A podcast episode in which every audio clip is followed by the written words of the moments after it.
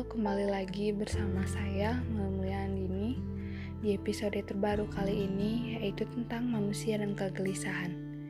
Siapa yang tidak pernah mengalami kegelisahan? Tentu saja pernah. Belakangan ini saya memiliki kegelisahan tentang diri saya sendiri. Saya selalu overthinking dan mencemaskan diri saya. Bagaimana dan akan jadi apa nantinya? Saya takut orang tua saya akan kecewa terhadap hasil yang akan saya dapatkan. Saya merasa minder kepada orang tua saya ketika beliau berbicara tentang anak-anak rekan beliau yang sukses di depan saya. Padahal itu seharusnya menjadi tamparan keras bagi saya untuk mengimprove diri saya membuat mereka bangga.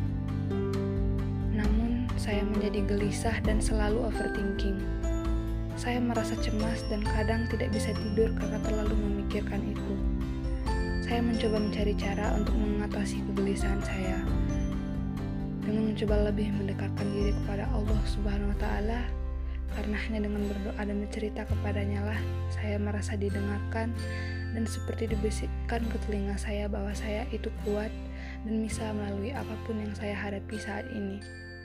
Maka dari itu, saya meningkatkan kepercayaan diri saya dan mulai tenang dalam memikirkan sesuatu. Dan tak lupa juga, saya tidak mau ambil pusing lagi karena itu sangat menyiksa saya.